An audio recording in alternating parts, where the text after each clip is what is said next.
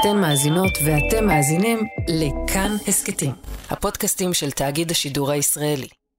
תשעה חודשים אחרי שהתפוצצה פרשת החלפת העוברים בבית החולים אסותא ראשון לציון. וככל שהצטברו הגילויים המטרידים, כך נוספו גם סימני השאלה. על התנהלות היחידה להפריה חוץ גופית באסותא, וגם על הרגולציה של הליכי ההפריה ביחידות השונות בישראל. פס ייצור אה, זה בדיוק אה, צמד המילים שמתאר. זה ממש סוג של מפעל אה, לייצור אה, אה, עוברים. בני אדם. בני אדם. עד היום אין תשובה חד משמעית לגבי מי ההורים הביולוגיים, אבל יש זוג אחד שבסבירות גדולה מאוד היא התינוקת שלהם. ובסופו של דבר באמת הגענו למסקנה שמי שבסיכון הכי גבוה להיות זה שהעוברים הוחלפו, זה אתם. משפט שלמה של ממש, שנוצר מעשה ידי אדם. יש יותר משורה תחתונה אחת לפרשה המטלטלת הזאת, אבל אחת האמירות המהדהדות ביותר של ועדת הבדיקה שמינה משרד הבריאות, מאשימה את אסותא בכך שהשיקולים הכלכליים האפילו על השיקולים הרפואיים, ושבית החולים הפך לפס ייצור. היי, כאן דקלה אהרון שפרן ואתם איתנו בעוד יום, הסכת האקטואליה של כאן חדשות. והיום פרק מיוחד בעקבות הפרטים שנחשפו בתוכנית התחקירים של כאן 11 זמן אמת, הסוד של אסותא. מי שערך את התחקיר הזה, עיתונאי אבי עמית, יהיה איתנו, ויספר על הפרטים החדשים שהתגלו, על המחדלים החמורים והחשד לטיוח של הטעויות, וגם מה עבר על בני הזוג שליווה, יואב ואורית, שוועדת הבדיקה של משרד הבריאות מצאה כי הם בסבירות הגדולה ביותר ההורים הביולוגיים של התינוקת סופיה.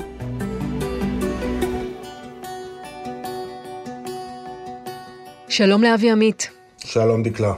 אז קודם כל, למי שלא עקב או הספיק לשכוח, בוא נעשה רגע תקציר הפרקים הקודמים, מה קרה שם באסותא ראשון לציון. טוב, זאת באמת אה, אחת הפרשות המורכבות והרגישות שיצא לי אה, לטפל בהן. אנחנו בעצם מדברים על אירוע שהתחיל אי שם בפברואר שנה שעברה, אה, ביום שגרתי במחלקת ההפריות, המחלקה להפריות חוץ גופית באסותא ראשון לציון. כאשר מתבצעות שם מספר פרוצדורות באותו בוקר. כשלאחר מכן, אנחנו מדברים כמעט שבעה חודשים לאחר מכן, מתגלה שהעוברית שנמצאת בבטנה של אה, אישה אינה שייכת לה מבחינה גנטית. התגלה מום אה, בליבה, שגרם לכך שיעשו בדיקות אה, גנטיות כדי לברר האם גם היולדת ובן זוגה הנשאים של אותו גן שגרם למום הלבבי אצלה. בעצם כך התגלתה הטעות. ולאחר מכן בעצם מתחילים באסותא לנסות ולברר למי היא שייכת. מה הייתה הגרסה הראשונה, קודם כל, של אסותא ראשון לציון למטופלים? גרסה הראשונה של אסותא הייתה שחלה ככל הנראה איזושהי אה, טעות, הם לא ידעו להצביע על הטעות המדויקת שהתרחשה, אבל הם אמרו שהם בטוחים כמעט במאת האחוזים, שהם יודעים למי שייכת אותה תינוקת, אותה עוברית באותה עת אה, מבחינה גנטית, הם הצביעו על זוג אחד בסבירות מאוד מאוד גבוהה. אמ, ולאחר שבית המשפט למעשה אישר לאותו זוג לבצע אה, בדיקה גנטית שתבחן האם אכן, כפי שאסותא אומרת, הם ההורים הגנטיים של התינוקת, אה, יצאה לדרך בדיקה כזאת, אלא שבניגוד למה שאסותא אמרו, הבדיקה הניבה תוצאה שלילית, כלומר, הם לא היו ההורים הגנטיים של התינוקת. פרשת החלפת העוברים ממשיכה להסתבך. הבדיקות הגנטיות שנעשו בהוראת בית המשפט קבעו כי בני הזוג שהיה חשד גבוה שהם ההורים הביולוגיים של העוברית, אינם ההורים. כל זה... ואז למעשה התחילה סאגה שלמה, התחילו להגיע מומחים נוספים. אה, לאסותא ראשון לציון, בראשות אה, פרופסור אה, רוני גמזו שנשאב לתוך המשימה הזאת. והוא בעצם פותח מחדש את המתודולוגיה של החיפוש, וקובע שבניגוד למה שאסותא קבעו עד אז, לא רק מי שהיו לו עוברים קפואים כפי שהיו לה יולדת באסותא ראשון לציון, אלא מי שבכלל בא באותו יום לעבור איזה שהם טיפולי פוריות, יהיה בתוך המעגל של החיפושים, והוא ממפה 22 אה, זוגות, 22 אה, נשים, שעלולות היו להיות בתוך אה, שרשרת הטעויות שהתרחשה שם באותו בוקר. כולם זוכרים איפה הם היו כשרבין נרצח? אני זוכר את איפה הייתי כששמעתי שההורים שחשבו שהם הביולוגים, לא הביולוגים. היה לי התקף חרדה, אה, ממש דפיקות לב, לא יכולתי לנשום, ישר התקשרתי לבעלי ברמה של סטרס אה, לא קטן, ולצערי אני מצויה בסטרס הזה בחצי שנה האחרונה. ו-22 מהמשפחות האלה בעצם מקבלות בוקר אחד טלפון ממנהל אסותא, ראשון לציון, דוקטור שי גלאור, שמבשר להם שיכול מאוד להיות שהתינוקת הזאת היא שלהם. אה, טופל בתמיכות זמנים לאותה יולדת. כרגע אנחנו מדברים רק על תמיכות הזמנים. היא ואני היינו באותו היום באסותא. כן, כן, אמרתי, אמרתי, החזרה בוצעה באותו יום. מה, מה אנחנו אמורים לעשות עם זה עכשיו? האם מדובר בי, בכמה אנשים מדובר שכרגע אתה עושה איתם שיחות כאלה? אני, עוד עשר, עוד מאתיים? 22. 22 נשים שטופלו אה, בדיוק כמו שאני מתאר לך. לצורך העניין, או שהשאיבה הייתה באותו יום, או שההחזרה הייתה באותו יום. 22 נשים כאלו. משפחות שאפשר אה, להניח שכשהן שומעות את האמירה הזאת, עולמם נטרף עליהן. עולמם נטרף עליהם ללא ספק. תארי לך מה זה לקבל טלפון כזה ממנהל אסותא כאשר אתה משוכנע במשך אה, חודשיים מאז שהתפוצצה הפרשה שאין לך שום קשר, כי זה מה שנאמר לאותם זוגות, שאין להם שום קשר אה, לפרשה, הם אה, כולם מן הסתם תהו האם יש להם קשר לפרשה ונאמר להם שאין להם מה לדאוג ושהכול בסדר ושיודעים מי ההורים הגנטיים כמעט בוודאות של התינוקת הזאת. ואז הם מקבלים את הטלפון הזה, ומתברר להם פתאום שהם, לא רק שהם בתוך מעגל החשודים, אלא שגם מעגל החשודים במרכאות כמובן, הוא די מצומצם, והם נדרשים בעצם להגיע לפגישה באסותא, שבה יסבירו להם איך הם קשורים אה, לסיפור, כאשר יכולות להיות מספר נקודות השקה, או בתהליך השאיבה של הביציות, או בתהליך ההפריה עצמו, או בתהליך ההחזרה שלו. אה, זאת אומרת, יש בעצם אה, אה, שלושה או ארבעה ממשקים שבהם יכלה להתרחש הטעות הזאת, ולכן הם בעצם מתבקשים להגיע לאסותא, כדי שיסבירו לכל אחד מהם איפה נקודת ההצטלבות שלו עם היולדת. כשבעצם בתודעה שלהם יש מצב שיש תינוקת שכבר נולדה, והיא תינוקת שלהם, היא תינוקת שתואמת להם גנטית.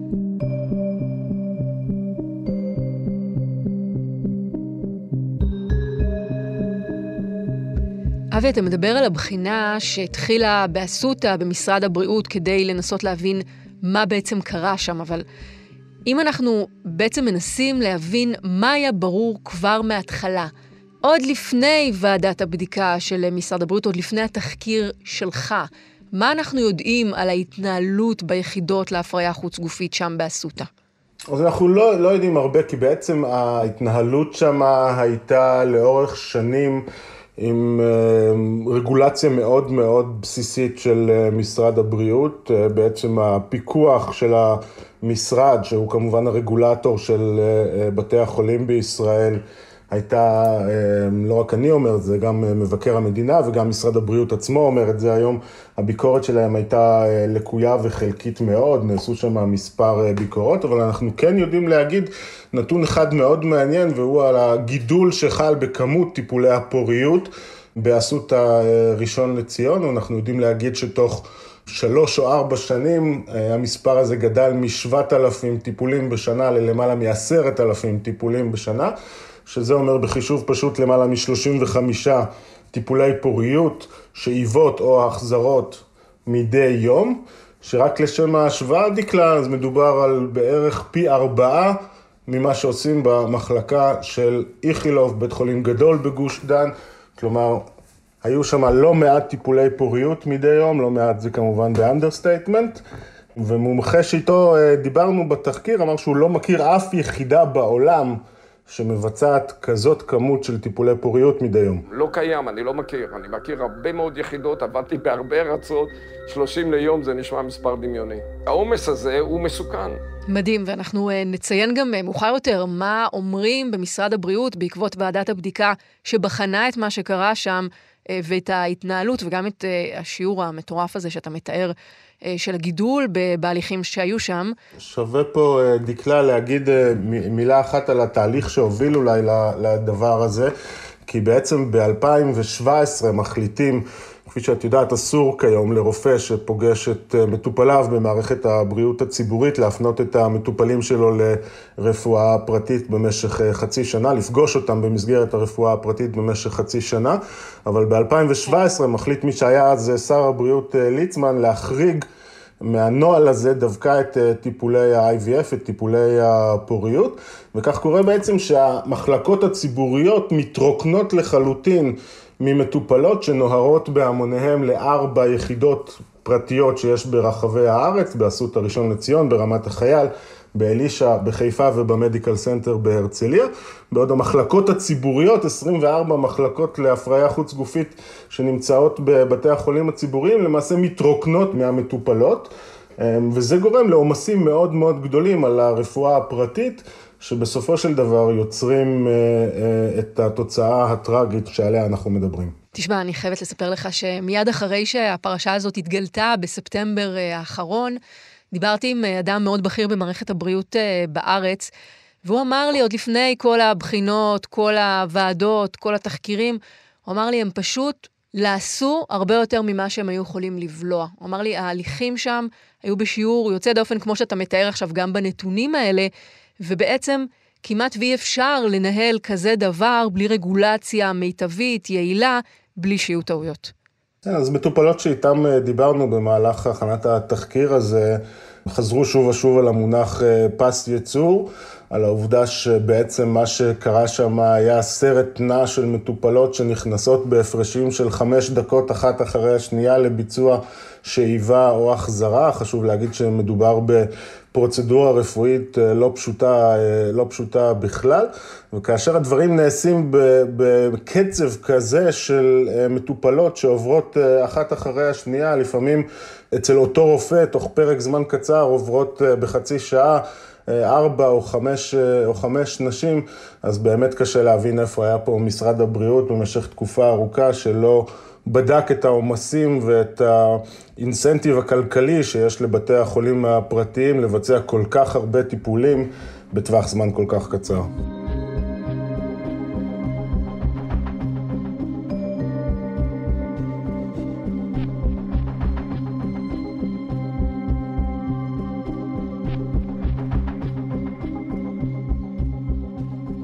אבי, בשלב הזה, התחקיר שלך מתמקד בזוג אחד מכל הזוגות החשודים, אם אפשר לקרוא להם ככה, אורית ויואב. ספר לנו עליהם. כן, את אורית ויואב אני פגשתי אמ, לפני כמעט אה, שמונה חודשים. הקשר איתם התחיל למעשה קצת אחרי שהתפוצצה הפרשה, כשהם עוד היו אחד מ-22 אה, זוגות. וכשאני אה, פוגש אותם בפעם הראשונה, הם עדיין לא יודעים את מידת המעורבות שלהם בתוך, ה, בתוך הסיפור, הם רק יודעים, כפי שידעו שאר הזוגות, שהייתה להם איזושהי הצטלבות יחד עם היולדת.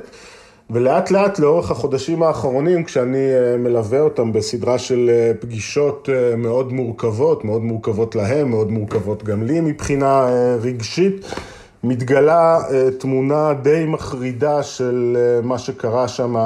באותו אה, בוקר ב-23 בפברואר בשנה שעברה, כשבעצם התמונה מתגלה על ידי אה, סדרה של פגישות שהם אה, מקיימים עם אנשי אסותא.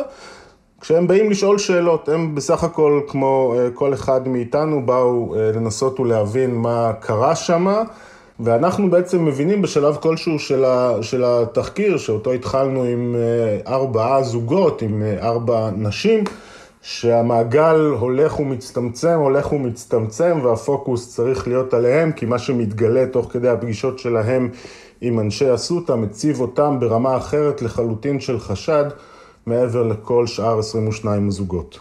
מי שמנהל את ההליך במעבדה של אסותא עבור הזוג הזה, עבור אורית ויואב, הוא דוקטור עופר גירטלר, הוא רופא מומחה לפריון האישה, שמו הולך לפניו, רופא מאוד ידוע. לאחר שהפרשה הזאת מתפוצצת, הוא מזמן את הזוג אליו, ומה הוא אומר להם? הוא אומר להם שאין להם כמעט אה, שום סיכוי להיות ההורים של התינוקת. להיות שיש ילדה שנודע שהיא שייכת לנו. הסיכוי שהיא שלך לדעתי הוא מאוד מאוד נמוך. צריך להוציא לך את השדים מהראש, זה בעצם העניין פה. מה זה להוציא לי את השדים מהראש? זה מי שהכניס לי אותם. זה יכול לקרות או בזמן שהם מקפיאים או בזמן שמפשירים. כאילו עמדו שתי צלחות במקום לקחת מפה, לקחו מפה את העוברים. ואז באופן תיאורטי, שהוא שואף לאפס, אבל יכול להיות שזה וזה הוחלף. חשוב להגיד שהם אה, מגיעים אליו לאחר הטלפון ממנהל אה, אסותא, והם בעצם מבקשים ממנו לבוא יחד איתם לפגישה באסותא שמתקיימת יום למחרת, כדי לנסות ולהבין איך הם קשורים אה, לסיפור הזה.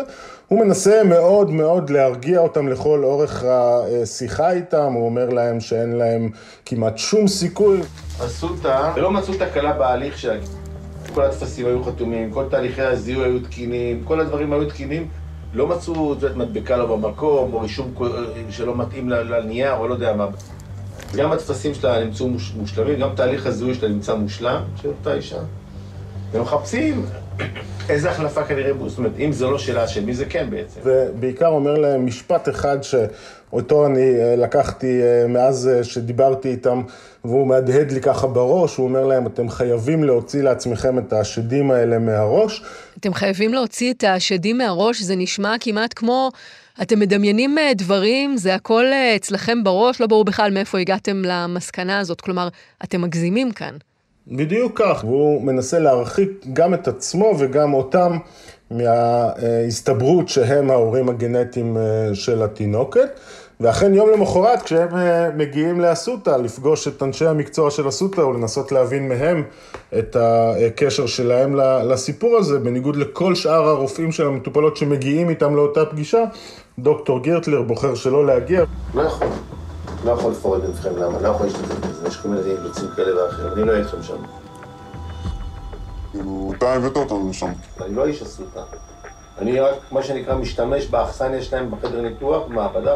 אני לא שותף לכל התהליכים הפנימיים במעבדה. אני לא מצליחה להבין איך אתה לא יכול להיות חלק מזה, אם אתה רופא שלי ואתה היית חלק מהתהליך, צריך להיות גם שם. בסדר, זה לפי התפיסה שלך. יש דברים שאני לא יכול לשתף אותך בהם, שמונעים ממני לעשות את זה. ולמעשה מאותו רגע...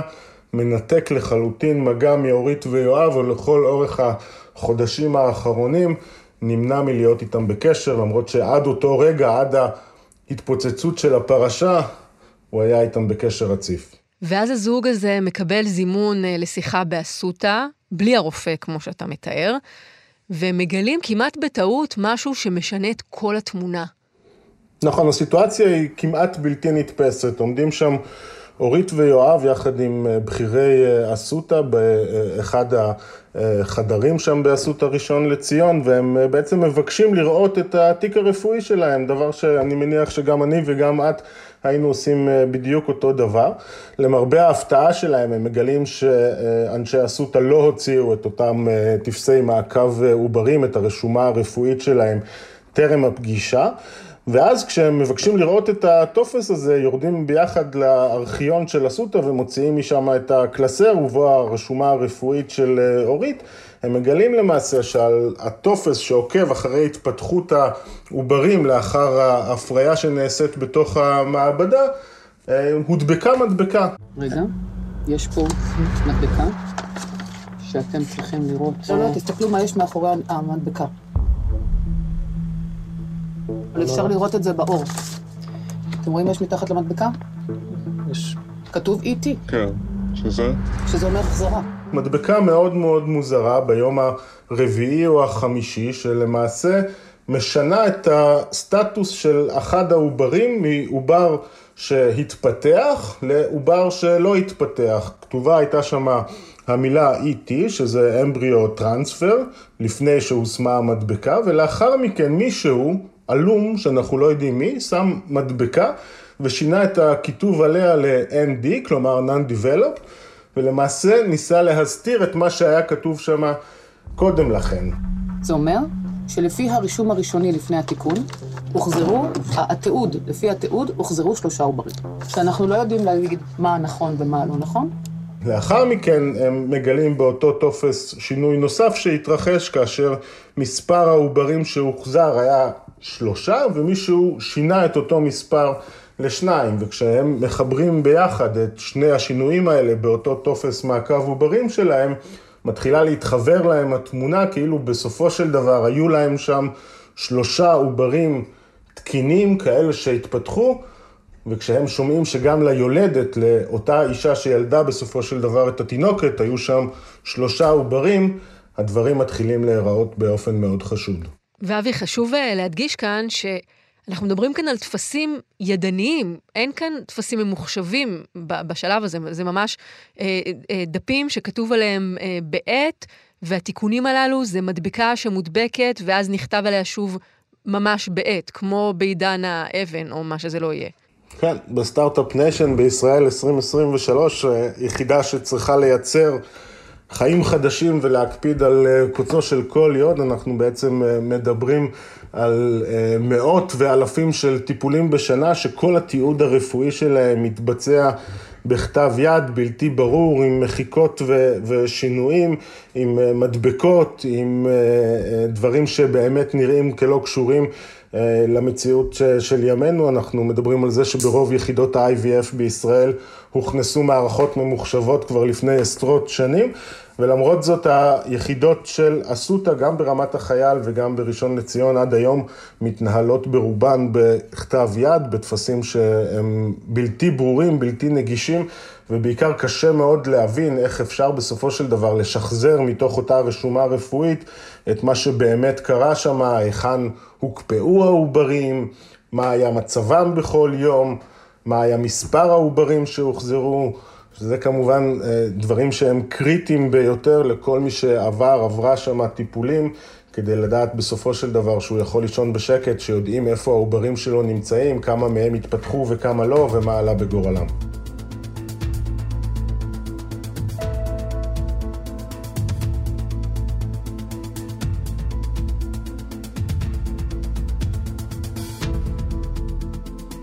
אתה מדבר על כך שבני הזוג מגלים שהיו שינויים בטופס שלהם. מה המשמעות של השינויים האלה? בואו ננסה להסביר. אז ליולדת, לאותה אישה שילדה בסופו של דבר את התינוקת, היו שם אה, שלושה עוברים, שלושה עוברים קפואים, אה, שהיא אה, בעצם הקפיאה לאחר שהיא עברה שם טיפולי פוריות. ולאורית ויואב, אותו זוג שלאט לאט המעגל הולך ומצטמצם ומתמקד בהם, אה, היו בעצם אה, שני עוברים, זאת אומרת, הם ביקשו בכל פעם להחזיר להם שני אה, עוברים, אבל עוברים טריים. ולכן מלכתחילה בעצם החשד לא נפל עליהם, כי אמרו, לנו יש עוברים טריים, היולדת ביקשה עוברים קפואים, ולכן ההסתברות היא הסתברות נמוכה שההחלפה, שהטעות בוצעה דווקא איתנו. אבל אז הם מגיעים לאותו ארכיון באסותא ומגלים את אותם שינויים שבוצעו בטופס המעקב של העוברים שלהם, גם את, אותו, את אותה מדבקה ששינתה את הסטטוס של העובר השלישי, כאילו הוא היה קיים בהתחלה ואז ניסו לשנות את זה לכך שהוא לא התפתח, וגם את מספר העוברים שהוחזרו להם. וכשמחברים ביחד את שני הנתונים האלה, מגלים שבסופו של דבר היו להם שם שלושה עוברים תקינים, עוברים שהתפתחו בצורה טובה, ההצטלבות שלהם עם היולדת מתחילה להיראות יותר ויותר אפשרית, ואז הם מגלים בעצם עובדה נוספת, הם מגלים שהם היו בסמיכות זמנים באותו בוקר באסותא, זאת אומרת שהם היו אחת אחרי השנייה בחדר ההחזרות, אורית הייתה אמורה להיכנס ראשונה והיולדת הייתה אמורה להיכנס מיד אחריה.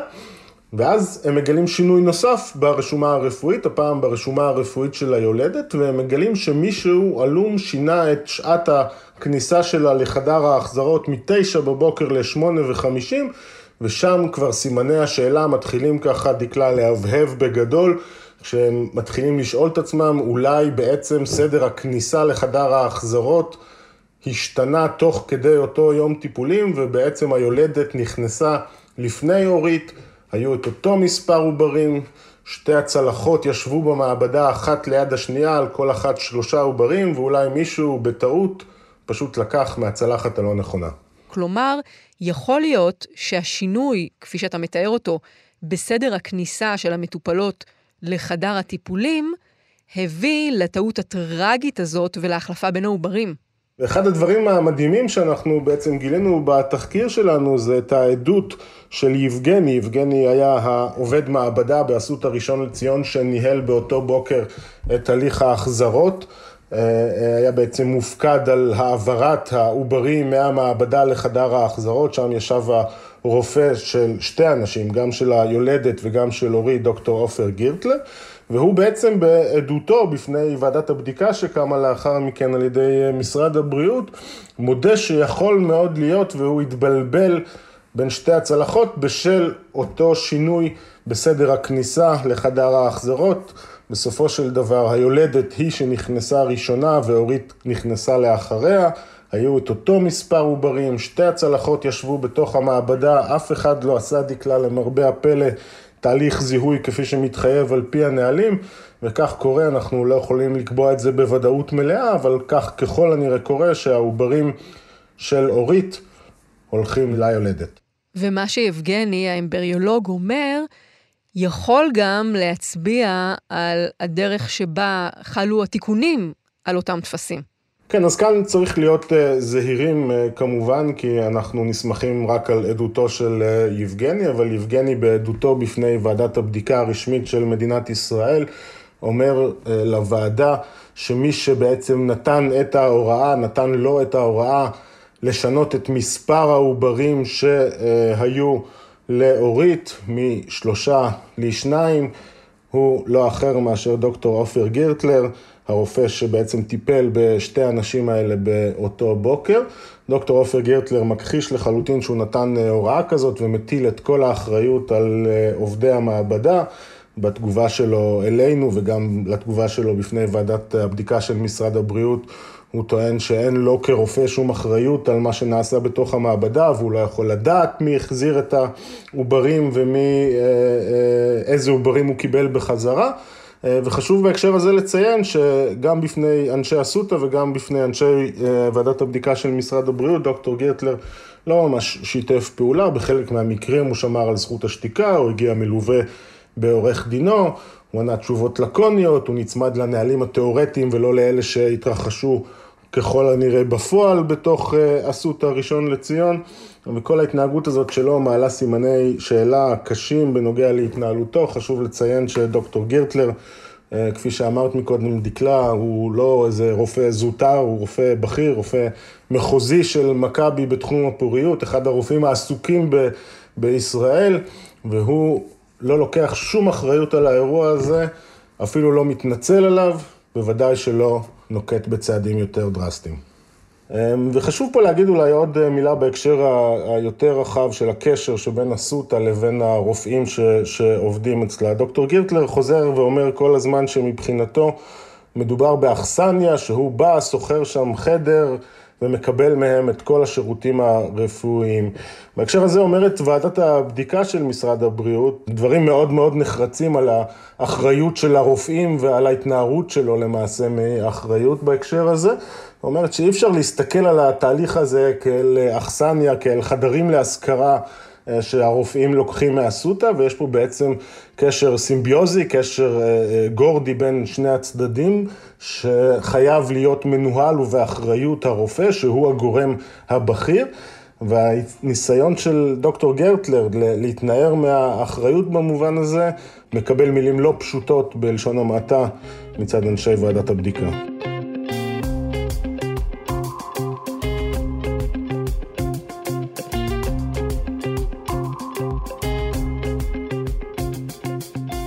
מדבר על ועדת הבדיקה של משרד הבריאות, ובאמת, אפשר כבר ללכת uh, למסקנות שלה ולשאול מה היה שם, מה אותה ועדה שיושבת על המדוכה מגלה לאחר שהיא רואה את בעלי העניין ושומעת אותם. אז לוועדה הזאת בעצם יש אה, שני חלקים במסקנות שלה. חלק אחד הוא החלק הרוחבי שבדק את ההתנהלות של אסותא ראשון לציון לאורך אה, שנים, ושם נקבע שהתרחשו שם כשלים אה, רוחביים, קונסיסטנטיים, אה, לא איזו טעות אנוש חד פעמית, אלא שאותם עומסי עבודה עצומים שהיו מוטלים על אנשי המעבדה הביאו בסופו של דבר לשרשרת של כשלים שהתקיימה לאורך זמן, שלא מדובר בכשל של איש אחד בודד. חשוב בהקשר הזה, דקלה, גם לציין שכל סימני האזהרה כבר היו שם מראש שנים לפני, כשב-2017 עובדי מעבדה שם מתריעים בפני הנהלת אסותא שהעומס שמוטל עליהם הוא בלתי אפשרי והמכתב שאותו הם כותבים לאנשי ההנהלה של אסותא אינו מקבל מענה ראוי. והחלק השני של אה, מסקנות ועדת הבדיקה בעצם נוגע לחקר האירוע עצמו, וכאן בעצם הם מגבים אחד לאחד גם את מסקנות התחקיר שלנו, וקובעים שככל הנראה, הם לא יכולים להגיד את זה בסבירות מלאה כי צריך לשם כך בדיקה גנטית, אבל ככל הנראה הזוג שמקור ההחלפה הוא בו הוא אכן אורית ויואב, והרגע הדרמטי שבו אורית ויואב מגיעים לוועדה ו... בעצם זה נאמר להם, הוא רגע שאני חושב שאותו אני לא אשכח בחיים. זה נשמע באמת קורע לב, אפשר רק לנסות לנחש מה עובר בראש לבני זוג שאחרי כל זה אומרים להם, באופן רשמי אפשר להגיד, סיכוי סביר שהתינוקת סופיה היא התינוקת שלכם, היא תואמת לכם גנטית. כן, שתי המילים שאותם אני אקח איתי, אני חושב, כל חיי, זה המילים שאומרת להם אה, אחת מנשות, שזה אתם. להם בסופו של דבר הגענו למסקנה. ובסופו של דבר באמת הגענו למסקנה שמי שבסיכון הכי גבוה להיות זה שהעוברים הוחלפו, זאת אומרת שהעוברים שלו הועברו לרקם של היולדת, זה אתם. ולאחר שהיא אומרת להם זה אתם, כל מה שאפשר אה, אה, לשמוע בהקלטה זה את הבכי של אורית ואת יואב שמבקש מהם לצאת מהחדר למספר דקות כדי אה, להירגע. והלב באמת יוצא אל שניהם לאחר חודשים ארוכים שהם לא ישנו בלילות, שחייהם התהפכו עליהם באבחה אחת. הם בעצם מבינים שגם מה שהם ככל הנראה הבינו בעצמם הוא נכון, ואנשי ועדת הבדיקה בעצם מסמנים אותם כזוג בעל ההסתברות הגבוהה ביותר להיות ההורים של התינוקת. לצערנו הדבר הזה קורה באיחור קריטי, מכיוון שכאשר ועדת הבדיקה מבשרת להם את המסקנה שאליה היא הגיעה, זה לאחר שבית המשפט העליון הופך את אה, החלטות אה, בתי המשפט המשפחה והמחוזי וקובע שהם לא יוכלו לבצע בדיקה גנטית שתוכיח בוודאות מלאה, במאת האחוזים, שהם ההורים הגנטיים של סופיה. כשבעצם מה שהם אומרים הוא, אנחנו רק רוצים שתאפשרו לנו להיבדק כדי להסיר את הספקות. בדיקה גנטית יכולה לגלות באופן ברור אם אכן התינוקת הזאת היא שלנו או לא. כן, קורה פה מצב כמעט בלתי נתפס אה, על הפרשה המאוד מורכבת ורגישה הזאת ממילא מצטרף אה, הליך משפטי מאוד מאוד חריג ונדיר שכמעט לא התקיים עד היום במדינת אה, ישראל. בעצם אחרי שוועדת הבדיקה החליטה שכבר לא מדובר ב-22 זוגות, אלא יש זוג אחד שהוא כמעט בוודאות מלאה ההורים הגנטיים של התינוקת אה, סופיה, ועכשיו דרושה רק בדיקה אחת קטנה, פשוטה, שתוכיח את זה מעל לכל ספק, בדיקה שאגב היא חשובה גם לעניות דעתם של אנשי הוועדה, כדי להבין בוודאות היכן היה הכשל, היכן התרחשה הטעות, וכדי שטעויות כאלה לא יתרחשו שוב פעם. אורית ויואב מגישים בקשה מחודשת לשופטי בית המשפט העליון, בעצם לבטל את פסק דינם לאור הראייה החדשה, אותו מושג שכולנו מכירים ממשפט אה, זדורוב, הם בעצם אומרים לשופטי העליון, התגלתה ראייה חדשה, ועדת הבדיקה של משרד הבריאות החליטה שזה אנחנו ככל הנראה, ועכשיו לאור אותה ראייה חדשה אנחנו מבקשים מכם לבטל את פסק הדין שקבע שאנחנו לא יכולים לבצע את הבדיקה הגנטית ולאפשר לנו, זוג אחד, שני אנשים, בסך הכל לבצע בדיקה פשוטה שתוכיח בוודאות שהתינוקת שייכת לנו מבחינה גנטית. שופטי בית המשפט העליון לפני כשבועיים מחליטים שלא להחליט ומחזירים את הדיון לערכאה הנמוכה לבית הדין לענייני משפחה ואומרים בעצם לאורית ויואב, אם אתם רוצים, אתם מוזמנים להתחיל את כל התהליך המשפטי מההתחלה. אבי, אחרי התחקיר הזה, בעקבות כל מה שראית, העלית, מה התובנה העיקרית שלך מהממצאים? יש פה שתי תובנות, אחת אה, בהקשר הפרטי הקונקרטי של המקרה הזה, ואחת בהקשרים הרחבים יותר. אולי אה, נתחיל בה, את יודעת, כולנו נוטים לחשוב שכאשר אנחנו הולכים לרפואה פרטית, אז אנחנו מקבלים רפואה VIP, רפואה טובה יותר, רפואה מוקפדת יותר, אולי אפילו מושלמת. אנחנו יכולים לבחור את הרופא שיטפל בנו, יש לנו תנאי מלונאות טובים יותר. אני חושב שבסיפור הזה בעצם כל ה...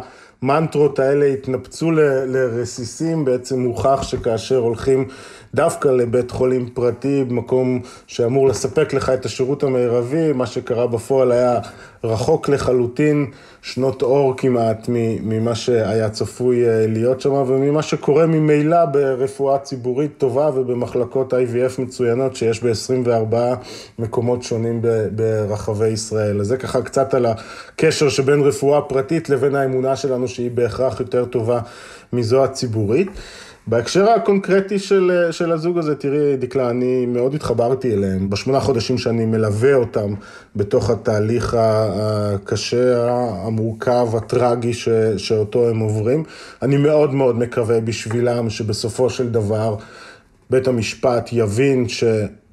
צריך לברר את האמת עד תומה, אין מילה אחרת להגיד, אין משפט אחר להגיד, זאת מטרת מערכת המשפט, ומערכת המשפט צריכה לאפשר לפחות את ברור האמת ולאפשר להם לבצע את הבדיקה הגנטית כדי לדעת בוודאות מלאה האם הילדה היא שלהם או לא מבחינה גנטית. מה יקרה אחר כך, היכן תגדל הילדה הזאת, מי יהיה בעל החזקה עליה, זאת כבר שאלה נפרדת, אבל אני חושב שלא ייתכן מצב שבו מערכת המשפט לא מאפשרת לבני זוג שבסך הכל באו כדי ליצור חיים וקרתה תקלה, לא באשמתם, שלא להבין האם הילדה הזאת שייכת להם או לא.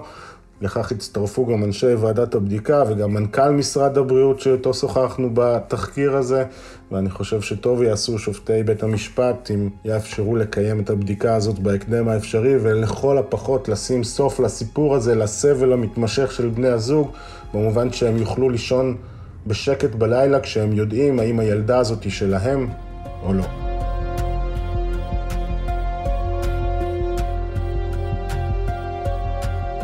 אבי עמית, מי שערך את התחקיר המטלטל והמטריד, אה, הסוד של אסותא בזמן אמת. תודה רבה לך. תודה רבה, דקלה.